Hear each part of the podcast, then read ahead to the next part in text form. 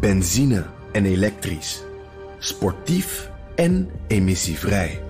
In een Audi plug-in hybride vindt u het allemaal. Ervaar de A6, Q5, Q7 en Q8 standaard met quattro vierwielaandrijving. Wat u ook zoekt, u vindt het in een Audi. Audi. Voorsprong door techniek.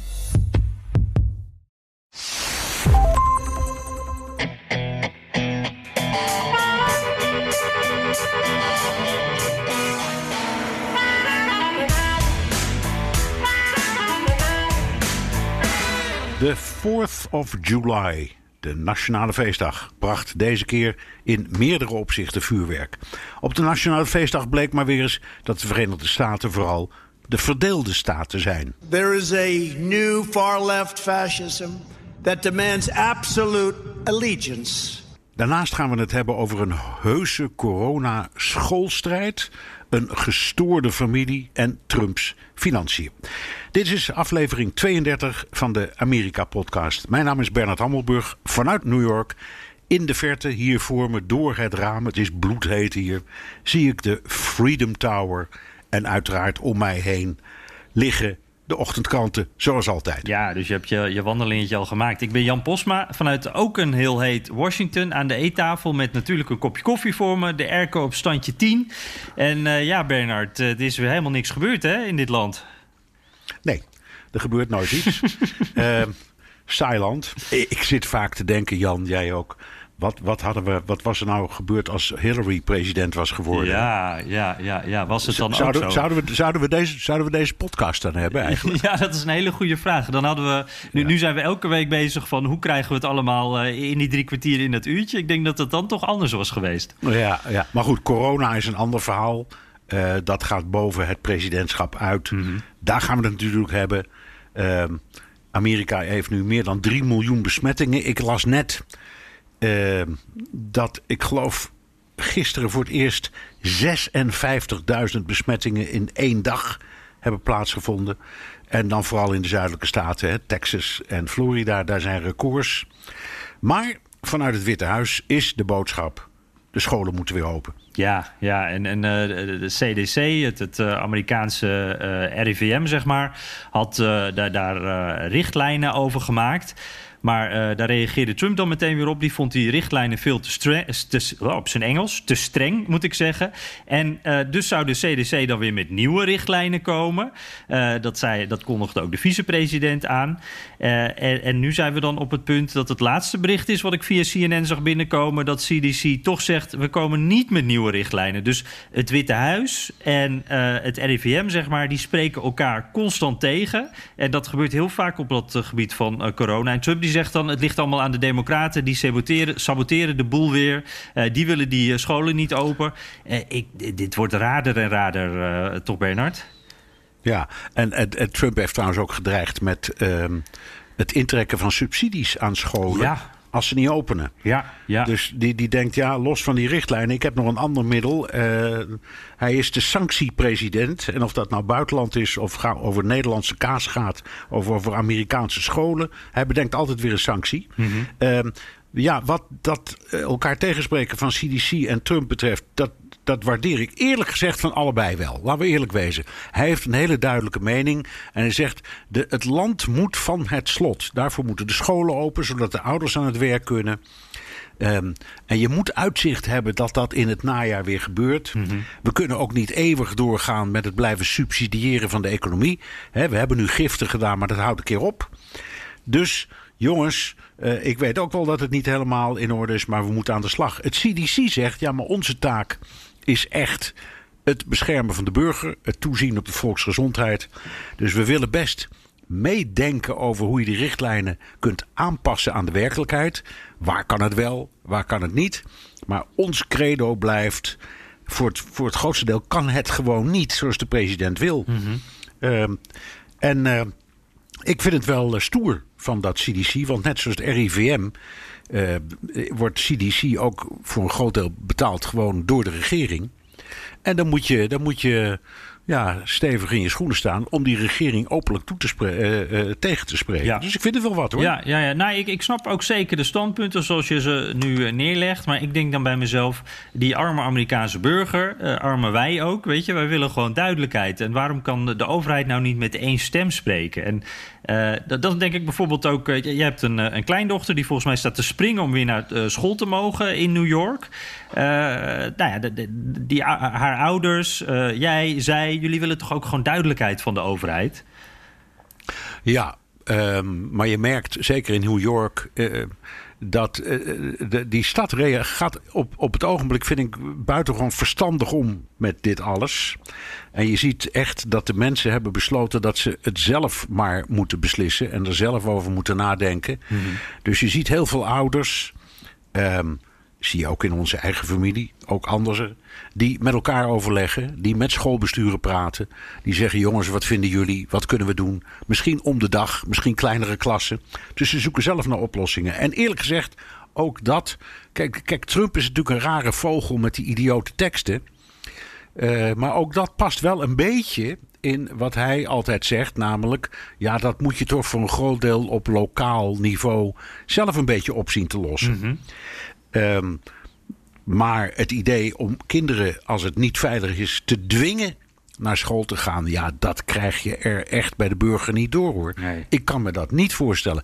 Dat je, kijk, dat je jongeren zover krijgt dat ze weer hossend in een bar gaan staan. Of zeggen, jongens, uh, waar we het vorige keer over hadden, die middelvinger, ja. we trekken ons er allemaal niks van. Dat kan ik me wel voorstellen. Maar ouders die toezien op de gezondheid van hun kinderen, dat is echt wat anders. Dat is universeel, dat is in de hele wereld hetzelfde. Geen ouder wil zijn kind in gevaar brengen. Ja, ja. en, en hoe zit dat uh, bij jou in, in de familie? Ik kan me voorstellen dat ouders misschien ook juist wel weer denken van, oh, kon dat kind maar weer naar school toe? Want ik moet zelf ook aan het werk natuurlijk. Iedereen staat onder ja. druk. Ja, we denken wat, dat, wat, wat wij als grootouders op het ogenblik uh, op ons. Op Jullie staan onder druk. wij staan onder druk, want uh, ja, de, de, de, onze kinderen die werken. En uh, die hebben af en toe echt wel hele lastige situaties. Dus bijvoorbeeld onze schoondagdochter is vandaag uitgeweken naar de flat van de buren.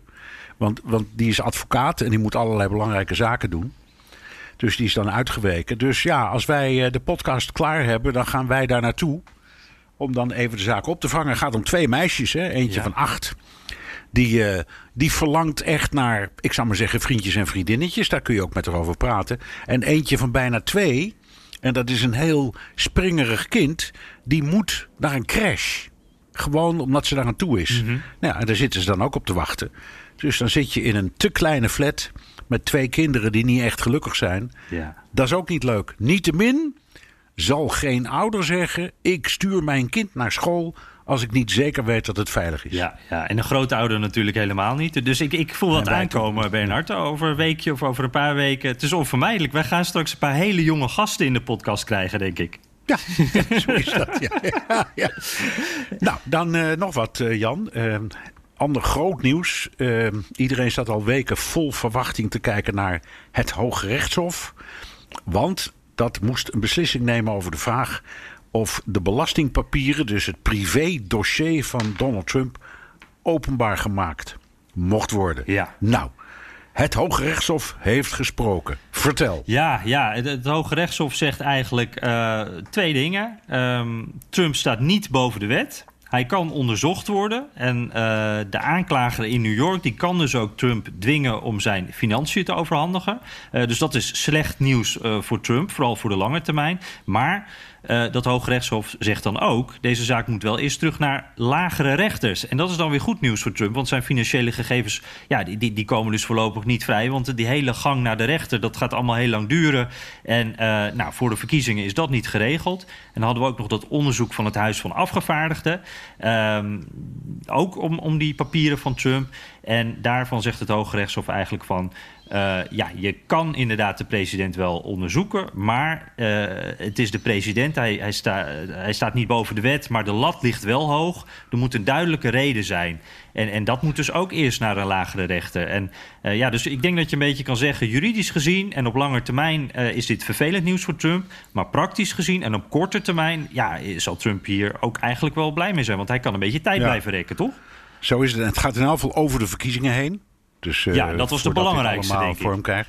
Ja, en ik, ik vond ook wel interessant wat ze zeiden over in het vonnis over de, de rechten van het Huis van Afgevaardigden om inzage te krijgen.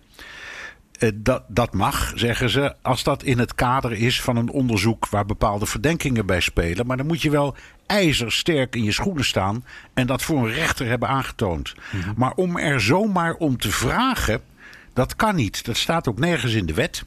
Dat is een gewoonte geworden. Richard Nixon was de eerste president of sterker nog, nog als vicepresident, was de eerste die zijn uh, financiële gegevens heeft gedeeld met het publiek. En daarna heeft iedereen dat ook gedaan. Maar er staat nergens dat het moet. Mm -hmm. uh, en uh, ja, wat dan opvalt, wat mij betreft, is dat Trump niet van de eerste dag gewoon simpelweg heeft gezegd: Jullie kunnen me wat, ik doe dat niet. Nee, hij kwam eerst met allerlei rare smoesjes. Van ja, nee, dat wil ik best doen. Maar op het ogenblik uh, ben ik uh, het doelwit van de Belastinginspectie. En dat gaat een hele tijd duren. En ik kan niks doen. De, de, ik kan uiteraard daar niet over praten voordat de Belastinginspecteur zijn beslissing heeft genomen. Mm -hmm. Nou, dat bleek allemaal uit de zuim gezogen. In geval, we hebben er nooit meer iets van gehoord. En al zeker niet van die belastinginspecteur. En daarna komt hij steeds maar met andere smoesjes. Ik ben onschendbaar. Je kunt dat niet van me eisen. Terwijl als hij van de dag één af had gezegd... jongens, jullie kunnen hoog springen of laag springen. Ik doe dat gewoon niet. Er was in afval de discussie gesloten. Hm. En wat betreft wat jij nu, nu zei, de strafzaak, dat is wat anders. Hè. Uh, hier in New York speelt een, uh, een onderzoek naar mogelijke fraude en belastingontduiking. Daarvan heeft de openbare aanklager Cyrus Vance gevraagd om inzage in die uh, belastingpapieren. En dat is juridisch volkomen logisch. Uh, en dat het Hoge Rechtshof zegt, nou, laat dat dan nog eens goed bekijken door een lagere rechtbank. Maar dat recht heeft de openbare aanklager op zichzelf. Dat is ook wel goed. Alleen, daar kan het publiek voorlopig niks mee. Dus wij hebben niks. En als je het heel simpel houdt, Trump voor mij heeft gewonnen. Ja, ja. Nou, ik, ik denk in ieder geval op korte termijn zeker. Uh, ik heb wel het gevoel, op lange termijn uh, blijft er wel een zekere stress, denk ik, bij Trump. Want er komt natuurlijk straks een moment dat, uh, dat, dat er een rechter zich wel echt uitspreekt. En de optie is er dus nog steeds dat zijn papieren wel nou ja, naar buiten gaan komen. In ieder geval in die rechtszaken dan. Het is niet zo dat die papieren dan ook meteen voor iedereen te lezen zijn. Um, en ik kan me wel voorstellen dat hij zich dus nog wel zorgen maakt. Uh, daarom tweet hij nu ook zo boos. Uh, over wat er na de verkiezingen gebeurt. Als hij herverkozen wordt, dan, uh, nou, dan zit hij hier nog steeds mee. Daar is hij natuurlijk niet blij mee. En ook als hij niet herverkozen wordt, dan ook als, als burger. heeft hij dus nog potentieel heel wat rechtszaken voor de boeg. Zeker. Ehm, allemaal waar. Uh, alleen even voor de duidelijkheid: de rechtszaak die Cyrus Vance, de openbaar aanklager, mm-hmm. voorbereidt. dat is een zaak die nu eerst komt voor een uh, grand jury. Dat is een onderzoeksjury. Die hoeft maar één vraag te beantwoorden, namelijk: is hier voldoende aanleiding om een rechtszaak te beginnen? Dus dat is niet de rechtszaak zelf. Uh, dat duurt een hele tijd, mm-hmm. zo'n procedure. En als die grand jury dan zegt: ja, wij zien voldoende aanwijzingen om een rechtszaak te beginnen, dan begint de zaak helemaal opnieuw. En dan moet Vance het hele apparaat in beweging zetten. En ook dan, want het blijft een, rechts, blijft een rechtsstaat. Ook dan bestaat er gewoon een kans dat Vance verliest. Mm-hmm. Kan ook. Ja. Het kan best zijn dat de advocaten van Trump, die zijn hartstikke goed, uiteindelijk uh, uh, aantonen dat er geen uh, sprake is geweest van fraude of belastingontduiking. Laat staan dat hij daarvoor documenten moet overleggen. Dus hij heeft nog best een redelijke kans. Maar goed, ik kan me voorstellen dat hij de pest in, de pest in had. Het was veel handiger geweest, nogmaals, als hij van meet af aan had gezegd: jongens, op dit gebied werk ik nergens aan mee en de groeten. Mm hey, en de onderliggend uh, is hier natuurlijk ook de kwestie van de machtsverhoudingen. wie controleert wie, hoeveel macht heb je daarbij? Is daar nu iets veranderd in die machtsverhouding, bijvoorbeeld tussen het congres en de president? Of is eigenlijk alles een beetje hetzelfde gebleven? Nou, ik vind eigenlijk van niet. Uh, want wat dat betreft vind ik de argumentatie van het Hof ook best aardig. En het is goed om erop te wijzen dat de, de beslissingen daarover niet helemaal unaniem, maar wel bijna unaniem waren. Dus de linkse en de rechtse leden van dat Hof waren het met elkaar eens. En die zeggen heel simpel: luister, als het Huis van Afgevaardigden inzage wil in documenten van de president, dan kan dat best. Maar dan moet er wel een zeer overtuigende rechtsgrond voor zijn. En die hebben ze niet. Mhm. Hun zaak is zwak. Dus laten ze eerst hun werk gewoon eens overdoen. Ja, ik vind dat eigenlijk. Want daar is helemaal niks mis mee. Ehm, en ehm, het controleren van de uitvoerende macht door ehm, de, de wetgevende macht, dus door, hè, door het parlement, ja, die, die is gewoon overeind gebleven. Want als ze hun we- huiswerk beter doen. En ehm, ook zij moeten opnieuw naar de rechter. En ook zij kunnen winnen, hè? Dan moet het alsnog. Alleen, voor Trump was volgens mij het allerbelangrijkste de datum van 3 november. Nou, die haalt hij makkelijk met deze zaak. En volgens zijn eigen overtuiging is hij dan herkozen. Nou, dan zien we wel weer. Ja, ik moet wel zeggen trouwens dat als eh, journalist en ook een beetje als liefhebber... dat ik dit wel eh, jammer vind. Want eh, we hadden natuurlijk heel graag... op, op, die, die papieren, die kijk je heel graag in. Ik ben heel benieuwd hoe het zit. Er zijn zoveel vragen die we hebben over Trumps financiën. Hoe rijk is hij nou echt bijvoorbeeld? Eh, waar betaalde hij die belastingen over? Wat voor zakelijke contacten heeft hij? Wie zijn zijn financiers? Hoe zit dat nou met Deutsche Bank en, en, en andere mogelijke financiers in het buitenland? Waar zitten zijn belangen? Eh, dat weten we eigenlijk allemaal niet. En, en ook die, die eh, details over die betalingen aan die Karen McDougal en Stormy Daniels, hè, waar mogelijk campagneregels zijn overtreden. Dat zegt in ieder geval Michael Cohen, Trumps voormalig eh, advocaat. Dat zijn allemaal dingen, da- daar zit je toch smachtend op te wachten. tot het moment dat we daar een keer achter komen of daar nou iets verkeerd zit allemaal, of dat daar iets juicy zit, of, of dat het toch allemaal een beetje opgeklopt eh, hype is. Dat is waar. Maar even heel snel twee dingen. Ja. Ehm, we hebben het dan in Amerika is dat gebruik, hè, sinds Nixon, om dat soort dingen allemaal te overleggen. Maar eh, ik, ik heb in Nederland nog nooit eh, de Tweede Kamer horen vragen om de privé-aangifte van de een of de andere minister. Hè, dus, Het zijn ehm, ook zelden miljardairs trouwens, maar eh Jawel, hier is het goed, inderdaad dat- elke president. Nee, maar dat is in Nederland ook wel eens gebeurd. We hebben veel Ruud Lubbers gehad. Dat is een van de rijkste mensen uit de Nederlandse eh, parlementaire geschiedenis, denk ik. Ehm, nou ja, daarvan wisten we wel iets, maar ook lang niet alles. Dus die dingen die. Het- het is ook wel echt Amerikaans om het vanzelfsprekend te vinden dat het volk en het publiek, en dus wij journalisten, daarover mogen beschikken. Maar dan moet je af en toe ook eens even over. Is dat nou wel zo vanzelfsprekend? Het is spannend. En overigens, Jan, daar moet je ons even over bijpraten. We gaan wel een stuk meer te weten komen dankzij Mary Trump. Ja, natuurlijk. Eh, Gelukkig worden er nog eh, wat eh, onthullende boeken geschreven. Dit is de, de, de zoveelste natuurlijk. Maar dat, dat nichtje hè, van, van Donald Trump. het boek heet Too Much Never Enough. Komt dinsdag uit, in Amerika in ieder geval. En ja, de, de, de, Amerikaanse kranten die, die hebben dat boek al ingezien. Dus, dus wij hebben indirect ook dat boek in kunnen kijken. En daar, staat, er staan allemaal juicy dingen in. Ik vond bijvoorbeeld een fantastisch detail. Dat gaat er over, eh, eh, over die financiën van Trump. Eh, de New York Times die had een tijdje geleden dat fantastische verhaal waar we het eerder over hadden. Hè, waar, waaruit allemaal oude belastingaangiftes van Donald Trump. Eh, nou, hoe zijn die bij de New York Times eh, terechtgekomen? Via eh, Mary Trump, die eh 19 dozen uit het advocatenkantoor van de familie Trump heeft gesmokkeld. Eh, die werden in een busje geladen. En eh, zo weten we dus bijvoorbeeld dat eh, Trump niet eh 1 miljoen dollar erfde van zijn vader, en, en, eh, maar eh 413 miljoen. Dus dat hij eh, veel minder een self-made man is als hij zelf beweert. En al belastingtrucjes leerden we daaruit. Eh, dus nou, dat alleen al vond ik fantastisch. Dat, dat kan zo in, de, in een verfilming. Ehm, ja, en ook natuurlijk een paar details. Eh, Trump die liet zijn toelatingsexamen door iemand anders doen. Eh, Fred senior, dus vader Trump, die manipuleerde eigenlijk het hele gezin. Die wordt omschreven als een soort eh, psychopaat. Iemand die, die iedereen manipuleert. Eh, Fred Jr., dus de broer van eh, Trump, Donald Trump is dat. Die, die raakte daardoor aan de drank. Die kon de druk niet aan. En ja, met als conclusie dat Mary Trump dus besloot...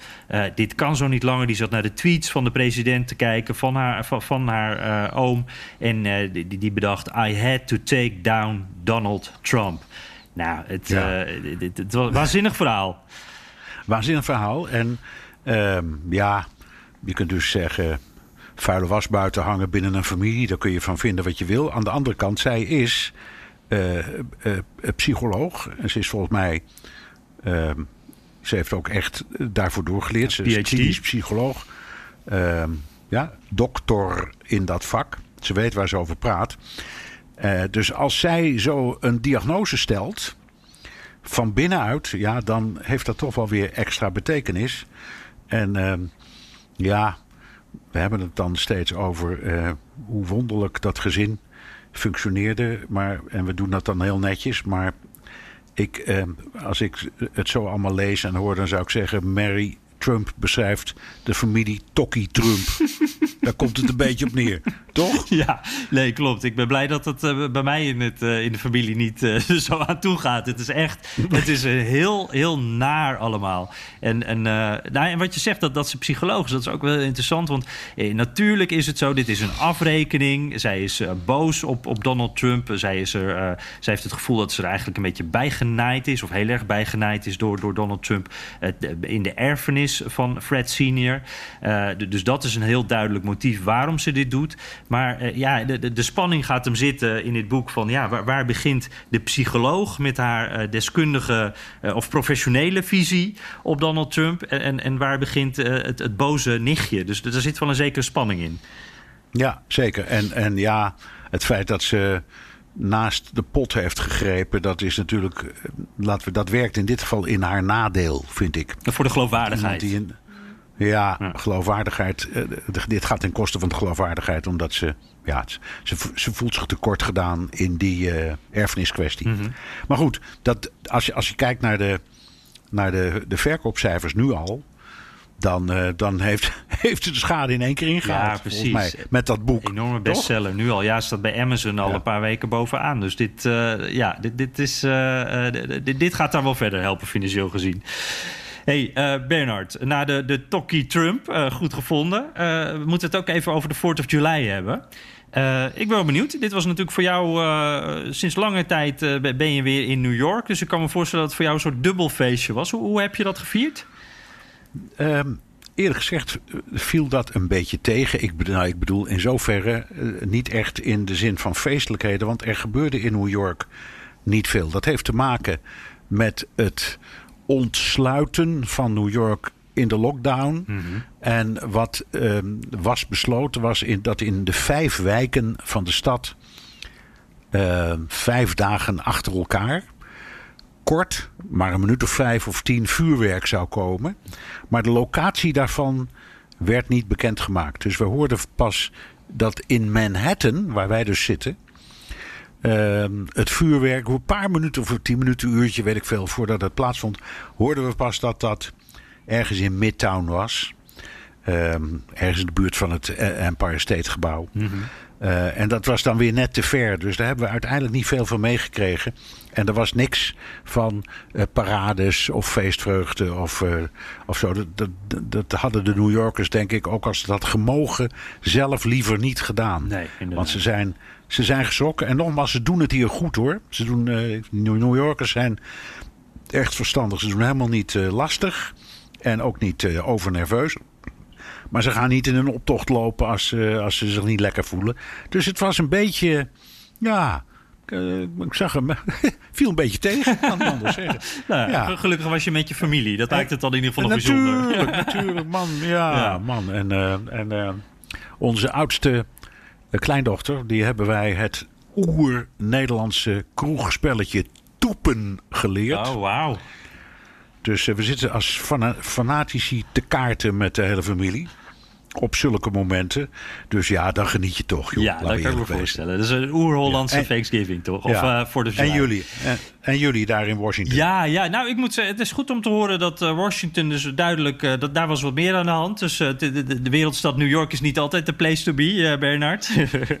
We hebben... nee, nee, nee, zeker niet hoor.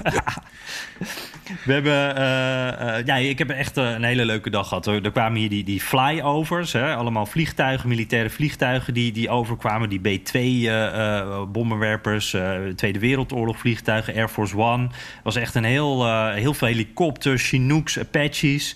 Um, Ik heb daar uh, op, de mall, op de mall gestaan bij het Washington Monument. En je zag ze allemaal overkomen. Was uh, allemaal spectaculair. Er was natuurlijk uh, een groot vuurwerk.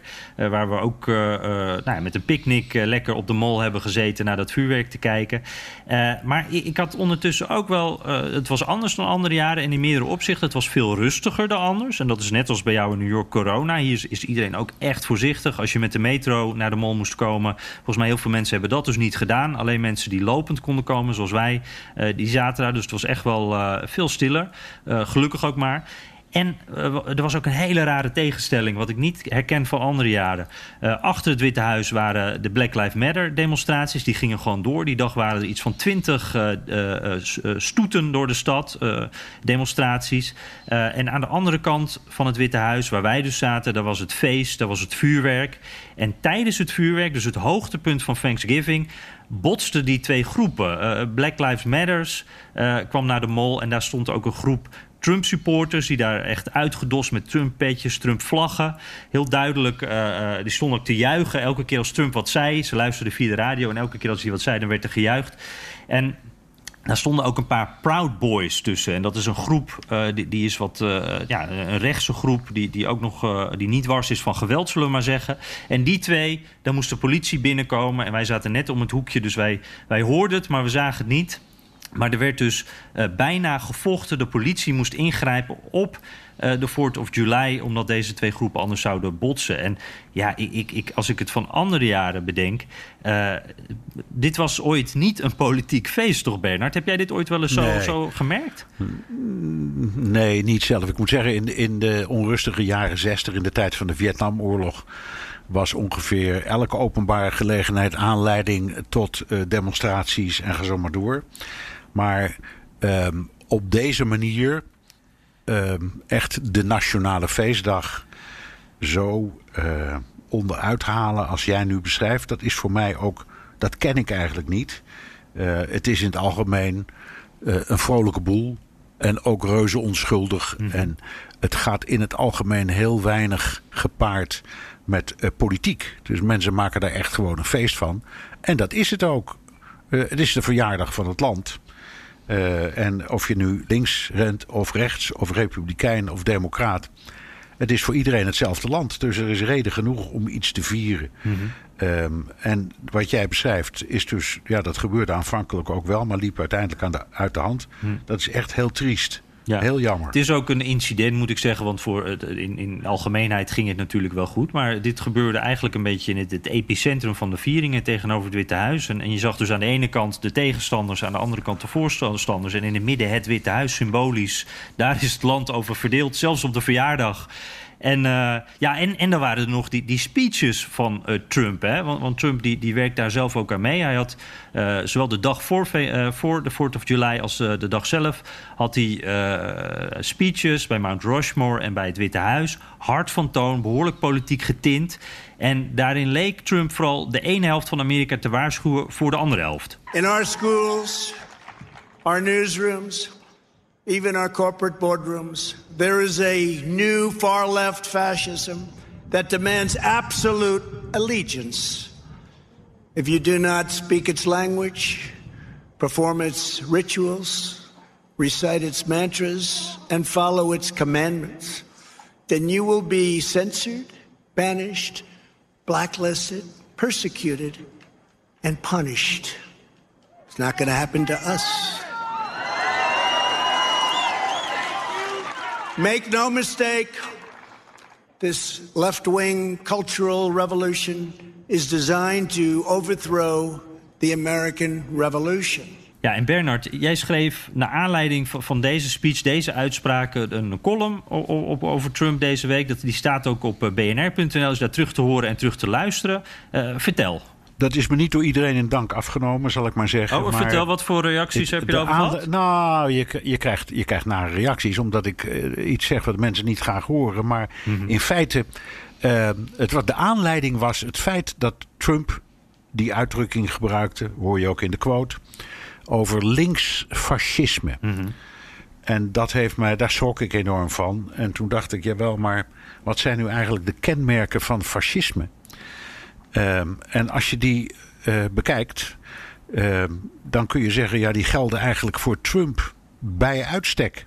Net zoals die uh, gelden voor anderen die ik ook heb genoemd. Duda in Polen en Xi in China en Erdogan in Turkije en Orbán in Hongarije. Dat zijn allemaal mensen die dezelfde vreselijke dingen doen. Namelijk bewust uh, het volk splitsen. Bewust een vijandbeeld creëren over de oppositie. En die dan beschuldigen van de meest gruwelijke dingen. Ondermijning, anarchisme, terrorisme. En zoals Trump dus deed, fascisme. Uh, en uh, daarmee maak je van de oppositie monsters. En dat beeld wordt dan versterkt. En dat blijft hij maar doen. Mm -hmm. en daarmee marginaliseer je heel bewust een oppositiegroep. En die maak je in de ogen van het volk uiteindelijk tot duivels. En dat is in de geschiedenis, ja, vanaf Mussolini, zal maar zeggen, een aantal keer gebeurd in de geschiedenis. En ik kreeg daar eerlijk gezegd kippenvel van. Die twee speeches van Trump. Dat, ik heb dat niet zo gauw en ik ben ook niet iemand die bij alles roept. Die man heeft ongelijk of hij mag dat niet zeggen. Ik bedoel, we weten wie die is. Maar in dit geval kreeg ik echt de rillingen over mijn rug van die twee speeches. Ik dacht, er viel een soort schellen van mijn ogen. Mm -hmm. Ik dacht, het is, het is gewoon, ja. Maar ja, uh, je, het, nogmaals, je, bevindt je, je, je, gaat op glad ijs. En uh, niet iedereen was er gelukkig mee. Maar, en toch ben ik blij dat ik het heb gezegd. Okay. Ik heb er heel lang over nagedacht of dat wel of niet zou doen. Want het is nogal wat. Maar uiteindelijk, als je dat zo vindt en je trekt het je zo aan. Ik ben niet de enige. Uh, dan moet je dat maar eens gezegd hebben. Mm -hmm. Want die, die term fascisme, dat is natuurlijk, dat is ook een, op het moment dat je die gebruikt, dat is zo'n zware term. Maar je bent eigenlijk gewoon de eigenschappen van fascisme bij langs gegaan uh, in die column. En daarin beschrijf je dus, en dan kom jij tot de conclusie, nou, daar past de president in. Het kwalificeert, ja. ja. Net als die anderen, net als Duda, Erdogan, Xi, Orbán. Je, kunt, je zou het ook kunnen zeggen van Poetin tot op zekere hoogte. Er zijn wel meer leiders die dat doen. Um, maar op deze manier, neem Erdogan met zijn Gulenisten. Mm -hmm. Dat is ook een fascistische aanpak. Mm -hmm. En uh, Duda met het, uh, van Polen met het uitschakelen van de rechtbank. En, en, en Xi van China met het grijpen van de macht voor eeuwig. Um, en de klopjacht op, uh, op de Oeigoeren. Dat zijn allemaal dingen die heel dicht uh, langs uh, het fascisme schuren. Mm -hmm. En dat doet Trump nu dus ook met iedereen die niet Trumpist is. Ieder ander is een misdadiger. Of een agitator. Of een terrorist. En ga zo maar door. Ja, want dat is wel. Ik vind. Uh, ja, dat, dat is een, een, belangrijk punt. Want ik, ik, merk ook wel mensen die interpreteren wat Trump zegt. Uh, als uh, dit zijn Trump die, die is boos op bijvoorbeeld de Black Lives Matters demonstranten. De mensen die die standbeelden naar beneden halen. De mensen die plunderen. de anarchisten, de communisten. dat soort mensen. Maar ik denk dat ook een van de gevaarlijke dingen is die Trump doet. Hij maakt heel vaak het onderscheid niet tussen Joe Biden of iemand die een winkel plundert. Uh, vaak in zijn speeches dan gooit hij dat allemaal op één hoop. En komt het er inderdaad op neer dat uh, ja, alles wat niet achter hem staat, uh, dat is fout. En Juist. ik heb dat in dit geval ook wel het gevoel, inderdaad. Hij maakt het onderscheid niet left-wing, extreme left-wing. Dat is gewoon eigenlijk iedereen die niet achter hem staat. Juist. Hey, en, en, en dat is, dat is doodeng. Ja, en, ja. En, en, als we dit nou vergelijken met, met eerdere momenten in de geschiedenis. Hè, uh, mij doet dit aan de Red Scare denken. Uh, jaren 50, uh, de, de, de, de, commissie McCarthy. Wat, wat, is dat een vergelijking? Ja. Kunnen we het ergens mee ja. vergelijken? Ja, ja, ja. ja. Het lag in zover. Er is wel een interessante verschillen. Die, die Joseph McCarthy was een senator die om alle mogelijke redenen, voornamelijk opportunistische, een soort klopjacht is gaan maken. Die heeft daar ook een parlementaire commissie voor samengesteld om jacht te maken op communisten. Uh, of zoals dat dan heet uh, in die tijd, fellow travelers. Dus mensen die van binnenuit uh, de zaak aan het verraden waren. die agenten waren voor de Sovjet-Unie. die de samenleving ondermijnden alleen al door hun gedachten. En daarvoor heeft hij lijsten gemaakt met mensen die allemaal zijn opgeroepen uh, en verhoord. En een heel groot deel van die mensen is uiteindelijk ook zijn baan kwijtgeraakt of zelfs in de gevangenis terechtgekomen. Uh, vaak zonder dat er enig echt bewijs voor was. Uh, het was een hele griezelige tijd. En het heeft geduurd van ergens in uh, midden 1950 tot 9 juni 1954. Daar kom ik direct even op terug. Met ook allerlei mensen die daar een dubieuze rol in hebben gespeeld. Zoals bijvoorbeeld Ronald Reagan. Die was in die tijd voorzitter van de Screen Actors Guild. Dat is de bond van filmacteurs. En die had er geen enkele moeite mee om collega's onderuit te halen die voor die commissie verschenen. Want heel veel slachtoffers vielen in de wereld van de kunst. En dus ook filmsterren, artiesten, toneelspelers, muzikanten, schrijvers. Die stonden allemaal op die lijsten van McCarthy. En die werden bijna van a priori als schuldig beschouwd. Waarom was het een beetje anders, uh, Jan? Omdat uh, McCarthy wel deed wat hij deed, maar hij had niet de instemming van uh, de toenmalige president Eisenhower of de toenmalige vicepresident uh, Nixon. Die hebben achter de schermen behoorlijk hun best gedaan om McCarthy hier uit te halen en te stoppen met deze onzin. Maar een parlementaire democratie is een democratie. Dus zo'n senator mag een commissie samenstellen en mensen oproepen. Dat kun je niet verbieden. Afijn dat heeft een paar jaar geduurd. Daar zijn mensen voor hun leven lang geruineerd geweest. Een van de verdachten bijvoorbeeld was Charlie Chaplin. Hmm. Uh, die uh, was een Brit natuurlijk, maar die woonde toen in de Verenigde Staten. Uh, die werd ook beschuldigd en die heeft het land toen verlaten. Met de tekst: Ik ben me van geen kwaad bewust, maar een land waar dit gebeurt, daar wil ik niet meer wonen. Hmm. en zo zijn er meer dingen gebeurd. En het hield op op 9 juni 1954, toen was er. Uh, verhaal, de details doen er eigenlijk niks toe. De zoveelste verdachte in het bankje.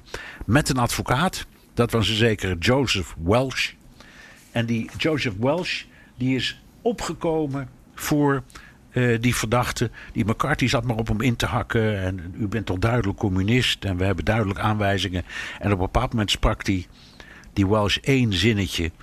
Uh, en uh, dat, dat, dat luidde: Have you no decency left, sir? Is er dan helemaal geen fatsoen meer in uw lijf? en op dat moment viel in heel Amerika viel bij de mensen de schelden van de ogen.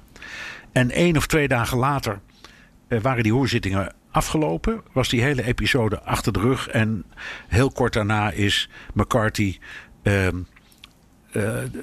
die heeft er dood gedronken. Op hele jonge leeftijd. Hij was ergens midden 40. En was verdwenen, letterlijk en figuurlijk. Hm. Dus uh, ja, daar doet het inderdaad een beetje aan denken. Aan de heksenjacht van McCarthy. Als, ehm, als in deze tijd een Joseph Welch uh, zou opstaan, in welke hoek zouden die dan, waar zou die kunnen zitten? Ik denk dat... Nou, dat, dat, is, dat is het rare. Misschien helemaal niet in een politieke hoek. Uh, om, om, waar je misschien behoefte aan hebt, is aan een een of andere burger. In dit geval was het een advocaat die ook de gelegenheid kreeg om dat te zeggen. Maar gewoon iemand die in het openbaar optreedt met enig gezag. Die kan komen uit de kunstwereld, uit de juridische wereld. Het maakt helemaal niks uit, uit de bankierswereld. Die opstaat en tegen uh, Trump zegt: Kunt u nou niet ophouden met deze heksenjacht op uw eigen medeburgers? Toen u president werd, meneer Trump, toen heeft u gezegd: Ik ben een president van alle Amerikanen. Hm. Oh ja? Hoezo dan? Zo iemand zou er moeten komen. Ja, ja en juist iemand die, die de, de politieke kleur even kan doorbreken. Dat zou, dat zou het mooist zijn. Dus kijk, je kunt heel makkelijk zeggen: ja, een prominente democraat of zo. Maar daar, daar, daar win je niks mee. Prominente republikein win je misschien ook niks mee. Eigenlijk moet het iemand zijn die een beetje boven de politiek staat. Ja. Uh, of, of een oud politicus. Hè. Stel, stel nou eens, hè, droom nou eens even weg dat uh, Bush 2 zoiets zou doen. Mm -hmm. Die heeft al een paar keer geappelleerd hè, tegen Trump. Uh, en ook uh, met behoorlijk wat herrie. Maar zo iemand, ja. die, die, die staat, wat dat, bij wijze van spreken, ja, die niet boven alle verdenking, want er is allerlei andere verdenking over hem. Maar als hij zoiets zou doen, dan zou dat waarschijnlijk indruk maken. Ja, ja. ja ik, ik ben bang dat dat inderdaad ook iemand is die, die al zo, uh, in ieder geval door de Trump-achterban, in een bepaalde hoek. Uh, voor die achterban in een bepaalde hoek staat. Establishment politicus, die denkt alleen maar aan zichzelf, ja. dat soort dingen. Dus ja. Nou ja, we... Oh ja, hun, hun antwoord zullen ze wel klaar hebben, ja. Ja, precies, precies. Hey, we moeten het ook nog even over cancel culture hebben, hè? want dat uh, valt Trump uh, ook aan.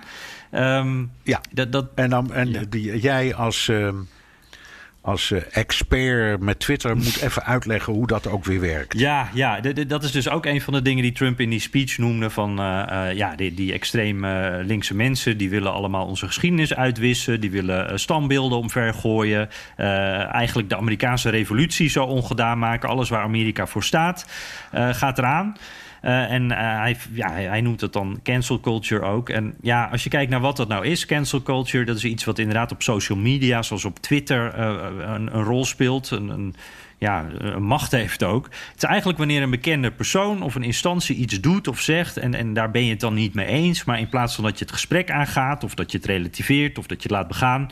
Uh, onder het idee van, uh, onder het mom van iedereen maakt wel eens een foutje... is dan de conclusie meteen weg ermee. En dan met z'n allen er alles aan doen om ook te cancelen. Om te zorgen dat die persoon zijn baan kwijtraakt... de show van televisie gaat, de producten niet meer gekocht worden... dat soort dingen. En... Um, ja, waar ik wel wat problemen mee heb. Um, Trump die, uh, die zet dat neer als een links probleem. Echt iets wat links doet. Uh, democraten. Maar dit is iets wat aan beide kanten ge gebeurt. Be beide kanten doen dit. En, en het is een soort voorbeeld van een oververhit debat, denk ik. Trump zelf ook bijvoorbeeld. Uh, als je kijkt, CNN had een, een, lijstje gemaakt met alle punten van, of de grootste punten van de afgelopen paar jaar waarin Trump oproept om iemand te cancelen. TV-journalist Chuck Todd, CNN zelf natuurlijk, de grote techbedrijven, maar ook bijvoorbeeld voetbal, Amerikaanse voetbalspelers die knielen tijdens het, uh, het volkslied. Dan zegt Trump, die moet je ontslaan, weg ermee, you're fired. En, en uh, ja, dus Trump is zelf misschien wel de cancel koning. Ja. Um, en hoe werkt dat nu um, in, laten we zeggen, in het politieke speelveld? Maakt dat nou, met, zeggen mensen graag of doen ze daaraan mee? Laten ze zich meeslepen? Of distancieren ze daarvan? Ik, ik kan niet goed beoordelen hoe het land in de wereld van, laten we zeggen, de sociale media? Ja, nou, ik heb het gevoel dat je in het algemeen kan zeggen dat het gewoon één, één stelregel, die, die is altijd uh, toe te passen. Uh, overal staat op social media een turbo op. Dus het is, uh, via Twitter wordt het een soort turbo-versie van de werkelijkheid. Iedereen is veel sneller boos. Iedereen gaat er veel, er wordt veel sneller samengespannen eigenlijk. En, en, dus wordt er veel sneller geoordeeld. En, en, dus mensen laten zich daar volgens mij echt door, door meeslepen. En, en dat is ook denk ik een probleem hoor. Want dat, dat is wel iets wat je. Het is natuurlijk belachelijk dat bijvoorbeeld conservatieve kennissen van mij. die halen nooit koffie van de Starbucks. Niet omdat het te duur is, maar omdat daar een, een, een, een liberal, een links iemand staat daar aan, aan het roer. En, en uh, mensen eten geen uh, broodje, uh, geen hamburger of broodje kip bij, meer bij Chick-fil-A, omdat dat van een conservatieve familie is. nou ja, het, het, alles wordt politiek. En, en daar ga je uiteindelijk word je daar een beetje gek van, natuurlijk, met z'n allen. Ja. Maar wat, wat ik het, het irritantste daarbij dus vind, is dat er echt een hele selectieve verontwaardiging ook is. En daar gaat Trump dus ook aan mee. En die gooit extra olie op het vuur door te zeggen: nee, alleen de andere kant doet het. Dus de andere kant moet ermee ophouden. En daarmee is eigenlijk Trumps boodschap, vind ik, ook een vorm van cancel culture. Want Trump zegt: links moeten we afschaffen, want die zijn met cancel culture bezig. Dan gaat ons land daar kapot. Ja. Dan, uh, wat kan je dan nog, Bernard? ik weet niet. Nou ja, laten we kijken naar uh, de oppositie, Biden. Ja, oh ja. De, de, is er, nog, is er nog nieuws? Horen we nog wel eens iets van? Ja, ja, ja nee, dat, dat, die vraag stellen we ons elke week. Hè. Uh, nou, er was één dingetje, viel mij wel op. Ik ben wel benieuwd wat jij ervan vindt, Bernard. Ik zag uh, in de New York Times, die hadden een peiling staan... waarbij van, in een paar battle states. En daaruit bleek uit die peiling dat ook Warren-supporters... en Bernie Sanders-supporters... en eigenlijk alle kandidaten voor de democratische primaries... dat die heel eensgezind achter beide staan. En dat vond ik wel interessant, want we hadden natuurlijk tijdens die voorverkiezingen dachten van nou, die, die, die teleurgestelde Sanders-supporters gaan die, ja, willen die wel op Biden stemmen? Nou, wat blijkt nu uit deze peiling? 87% van de Sanders-supporters kiest voor Biden en maar 4% overweegt op Trump te stemmen. Warren 96% uh, wil op Warren stemmen en 0% op Trump. Dus dat ziet er. Biden. Uh, Biden of, ja. ja, ja, 96 okay. op Biden en 0 op Trump. Ja, ja. Dus dat ziet er eigenlijk. Uh, volgens mij heeft Biden daar dus niet echt een probleem als je op deze uh, peiling afgaat. Ja, dat, ik geloof hem ook wel. Nou ja, je moet het altijd zien. Ehm, en het zijn niet zulke hele grote groepen, maar ze zijn wel invloedrijk omdat ze anderen aansporen.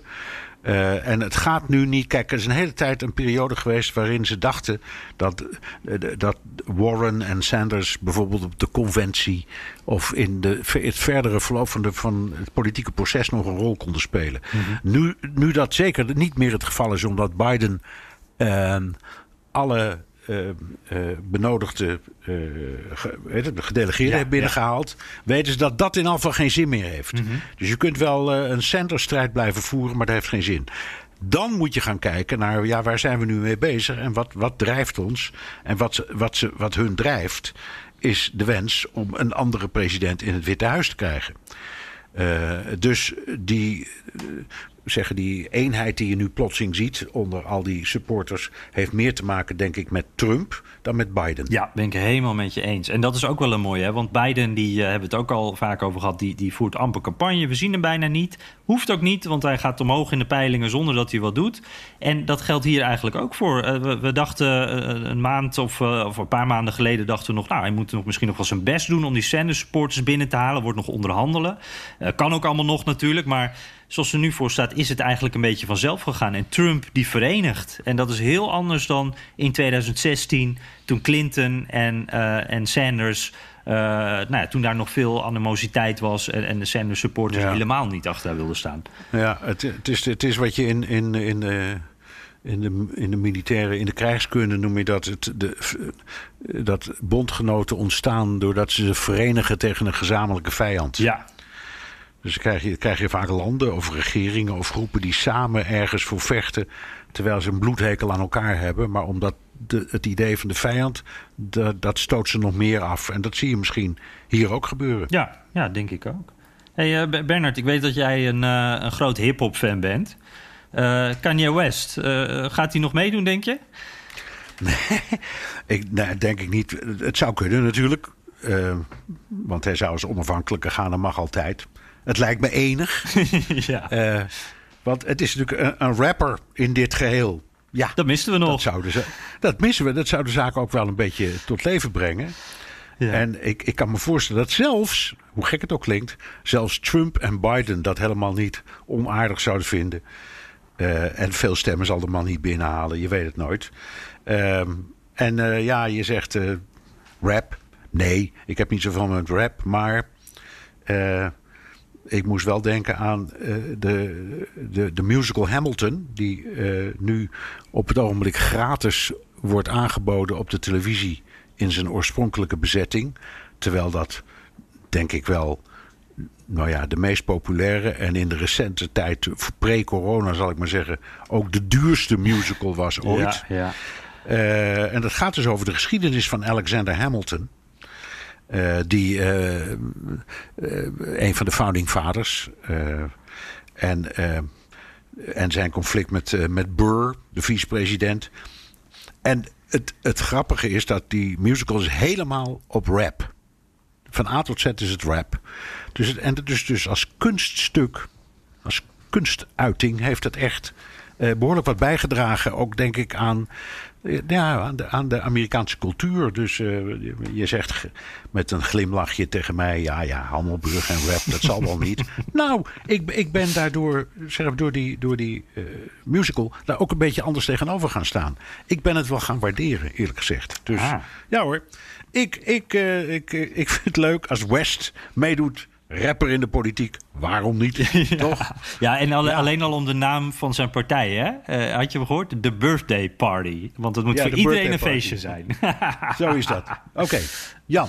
Luisteraarsvragen. Oh ja, ja. Wat hebben we? Wat hebben we? Even kijken. We beginnen met Stijn. Uh, hij luistert in de trein, uh, luisterend naar de Amerikaanse politiek... terwijl het platte Nederlandse landschap voorbij sjeest. Nou, dat is nog eens mooi. Daar denken wij ook wel eens aan, aan, de, aan die mooie groene zeker, landschappen. Zeker, zeker. Hij zegt, uh, onlangs stuurde ik een berichtje aan Jan met de vraag... is Biden dement? Hij vertelde mij dat de geruchten er bij Trump en Biden allebei zijn... maar dat er geen bewijzen zijn. Ja, een presidentscampagne waarin beide kampen elkaar beschuldigen... van het wel of niet dement zijn, vind ik wel heel heel erg triest. Uh, dat moet toch niet waar zijn voor zo'n belangrijke positie. Maar vraag daarom aan jullie om je kandidaat te stellen voor het presidentschap. Moet je minimaal 35 zijn? Zou het dan ook niet een idee zijn om een maximaal leeftijd in te stellen voor het presidentschap? Bijvoorbeeld 70. Uh, sorry Bernard, staat er dan tussen haakjes achter. Ja, nou, nee, dat, la dat laatste vind ik niet erg, want het is geen ambt dat ik ambieer. Nee, dat kan ik me voorstellen. En je bent er niet geboren, hè? ik ook niet, dus dat wordt hem niet. Nee, uh, vallen weg. Maar goed, uh, hij zegt van, uh, joh, een, okay. een, een leeftijdsrestrictie. Waar, nou ja, het is heel simpel. Het staat in artikel 2 van de grondwet... Uh, dat je verkiesbaar bent vanaf voor het huis op je 25ste, voor de Senaat op je 30ste en als presidentskandidaat of als president op vanaf je 35ste. Het staat erin. Is ook niet de eerste keer hoor dat dit, het idee van een leeftijd stellen aan verkiezingsgerechtigheid uh, recht, uh, dat dateert uit de Romeinse tijd. Je had je had al uh, 200 jaar voor, voor Christus. Had je in, in, in de Romein, hadden de Romeinen al wetten die minimumleeftijden voor senatoren regelden. Dus dat is zelf niks nieuws. Uh, het zou wat mij betreft best een beetje omlaag kunnen. In Nederland is dat ook gebeurd. Hè? De Nederlandse grondwet is veranderd. En uh, actief en passief uh, kiesrecht zijn in Nederland allebei op 18 gesteld. Dat is ook best leuk. Uh, maar er zijn bijvoorbeeld in de Amerikaanse geschiedenis... er is wel eens een senator gekozen. Op, er was een vrouw op de 29ste. En die heeft toen drie kwart jaar moeten wachten voordat ze werd beëzigd. Die moest eerst 30, die moest eerst 30 worden. Dus dat soort dingen gebeuren wel eens. Ja. Oh, maar, maar je maar kan dus maximum... wel verkozen worden... maar je kan niet het ambt beoefenen. Dat is hem dan eigenlijk. Ja, daar komt het op neer. Ja. ja. Oh, mooi. Ja. Maar goed, het, uh, het is een mooi idee. Maar uh, om dat soort grote dingen te, te, veranderen, dat, dat, is altijd heel moeilijk in Amerika. Hè? Dus dat gaat uh, waarschijnlijk voorlopig niet gebeuren. Nou nee, het heel simpel. Een, een grondwetswijziging, dat betekent dat die door allebei de huizen met twee derde meerderheid moet worden aanvaard. En dan vervolgens door alle huizen en senaten, senaats, senaten van alle 50 staten. Hm. Dus een, een, een, een grondwetswijziging in Amerika is wat je noemt een klusje. Ja, met gevoel voor understatement. Ja. nou, mooie vraag, Stijn. Uh, Dank je wel. Uh, we hebben ook nog Anders uh, Lurtzer. die, nou, die had er twee, kies de bovenste. Gaan de Libertarian Party en de Green Party nog een rol spelen bij de verkiezingen in november? Misschien Bernie-supporters die weigeren op Biden te stemmen... en daarom naar de, de Green Party gaan. en kunnen misschien de libertariërs nog stemmen bij Trump pakken? Ja, ja. Eigenlijk... antwoord is allebei ja, maar het is zo minimaal dat het geen rol speelt. Mm -hmm. zelfs, zelfs bij nek aan nek maken deze partijen eigenlijk nooit het maakt niet uit. Het gaat om honderden of een paar duizend stemmen. That's it. Ja, ja. en het is eigenlijk een beetje net als zo'n zo brokered convention. We hebben het er elke vier jaar over. En altijd, ja, valt Ja. Het een beetje, vaak valt het een beetje tegen, toch?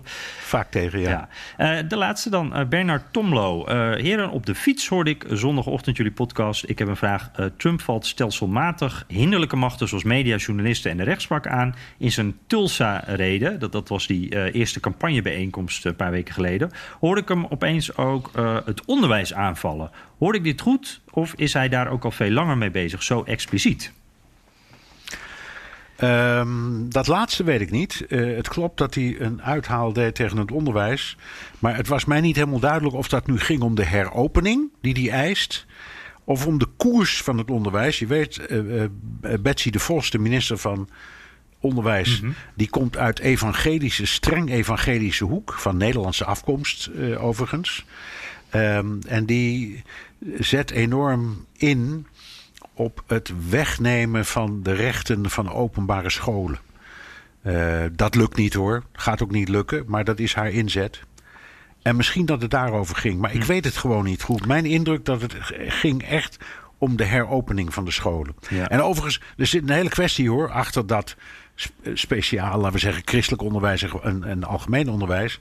Omdat voor algemeen onderwijs moet iedere Amerikaan belasting betalen, los van de vraag of hij kinderen heeft. Het zit in de huur van je huis of de aankoopprijs, de, bela- de jaarlijkse belasting op je huis.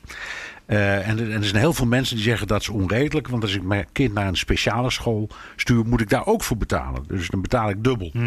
En dat, is- dat is een thema dat al speelt sinds Reagan. En dat is ook opgepakt door eh, Trump. En misschien heeft hij daar ook wel een punt hoor. Dus dat, dat is ook nog zo'n dingetje.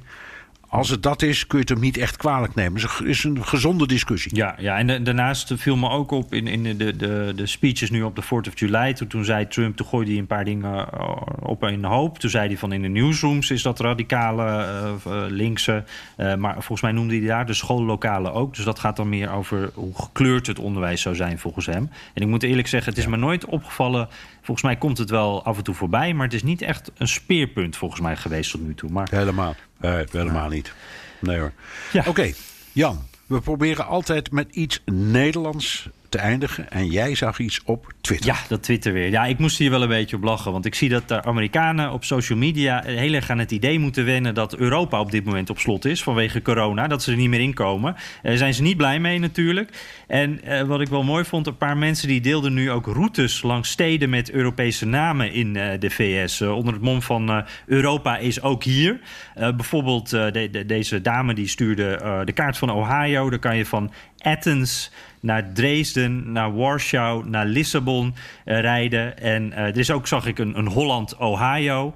Eh, die, die stond dan niet op de route. Maar zo kan je van elke staat kan je wel een hele, hele lange routes maken met allemaal Europese namen. Maar mijn favoriet is Amsterdam en Rotterdam in de staat New York. Die, die liggen vlak bij elkaar. Al moet ik zeggen Ja, dat... niet zo ver hier vandaan. Ik ben er ook geweest. ja, precies. Maar het doet daar niks aan onze Amsterdam en Rotterdam, denk ik. Hè? Dat is jammer. Niets. Nee, nee. Ja. Nee, ze noemen, die, ze noemen zich trouwens Amsterdamians. Hm? En, en eh, etnisch, want dat heb ik, des, ik heb er ooit een filmpje gemaakt. Etnisch eh, zijn de meeste mensen van Italiaanse afkomst Ja. die daar wonen. ja. Die spreken het dan ook Maar wel goed. anders uit. Ja. ja, spreek het er. Ja, zijn Amsterdam en zijn Amsterdamians. Zo noemen ze Ja, zichzelf. mooi. En jij was, Ja. jij was ook wel eens in Nederland, eh, Texas geweest? Ja, Nederland, Texas, Nederland, Texas, zo heet dat plaatsje. Daar heb ik ooit een interview gedaan met de vader van ehm, eh, een, eh, Karen Silkwood. Dat was een, vrouw die, die werkte in de, in, een, in de nucleaire fabriek. Eh, en die, die was besmet met iets en die kwam in de handen, die kreeg rapporten in handen en is maar vrijwel zeker vermoord om haar kennis en wat er met ze gebeurt. En uiteindelijk is dat, heeft het ook geleid tot een schadevergoeding. En daar heb ik toen die vader over geïnterviewd. En die woonde in Nederland, Texas. Dus zo ben ik daar ooit terecht gekomen. Maar, maar Bernard, de hamvraag is natuurlijk... dragen ze daar cowboys en, en eh, klompen? Of eh cowboyhoeden en klompen bedoel ik. Nee, nee, nee. Nou je het zo zegt. Het grootste deel van Nederland, Texas is een trailercamp. Ja, Dus, daar, dus, dus daar wonen heel veel mensen in van die mobile homes. Hele mooie trouwens hoor. Ja. Het is eh, helemaal niet armoedig of zo. Maar wat, wat je heel veel ziet als je door Amerika reist. Van die, van die hele grote, eh, luxe eh, ja, mobile homes. Ze staan officieel op wielen. ja. Maar ze hebben, er zit alles op en handen. Airconditioning en televisie en verschillende slaapkamers en een badkamer en zo. Dus het was best, was best luxe. Maar Ja. ook apart om dat weer eens op die manier te bekijken. dat eh, kan ik me voorstellen. Ja, da- da- daarmee komen we op het einde eh, van deze Amerika-podcast. Via de BNR-app of de site kun je je heel makkelijk op de podcast abonneren. Kan ook via Apple Podcast en Spotify. We genieten altijd van recensies. Jan, hebben we op- of aanmerkingen? Ja, zeker. We hadden weer eh, een paar mooie. We zijn ook eh, ruim nu over de 100 recensies op, eh, op Apple Podcasts gegaan. Dus dank daarvoor. Daar zijn we makkelijker te vinden. Dus daar zijn we heel, heel blij mee. Vijf sterren van Mucronis. Ik luister altijd in de auto naar mijn werk. En zo vliegt de tijd voorbij, zelfs in de file. Nou, mooi. En hij heeft een verzoekje. De primaries voor de Senaat zijn ook van start gegaan. Zouden jullie hier ook een keer tijd aan kunnen besteden? Aangezien die misschien nog wel belangrijker zijn dan de presidentsverkiezingen. Ja, dat is wel zo. Hè? We, moeten dus, we moeten dus naar dat congres, eh, Bernard. Ja, het is, het is nu, wat luisteraarsvragen betreft, de derde keer dat er om wordt gevraagd. om eens iets aan... Dus ga- zullen we het nou gewoon gaan doen, Jan? Laten we het gewoon doen. En het verzoek aan Do- Donald Trump, eh, even een rustig weekje, gaan wij lekker naar het congres kijken. Terugluisteren kan via de BNR-site, Apple Podcast en Spotify. Heb je vragen, opmerkingen, kritiek of complimenten? Dan kan het ook met een tweet naar Jan of BNR De Wereld. Of heel ouderwets met een mailtje naar dewereld.bnr.nl. Ja, laat die berichtjes komen. Vinden we heel erg leuk. En ook de recensies natuurlijk. Want zoals ik zei, dan zijn we weer beter te vinden in, in de podcast-apps. En uh, dat is ook heel belangrijk. Dus uh, voor nu, tot volgende week.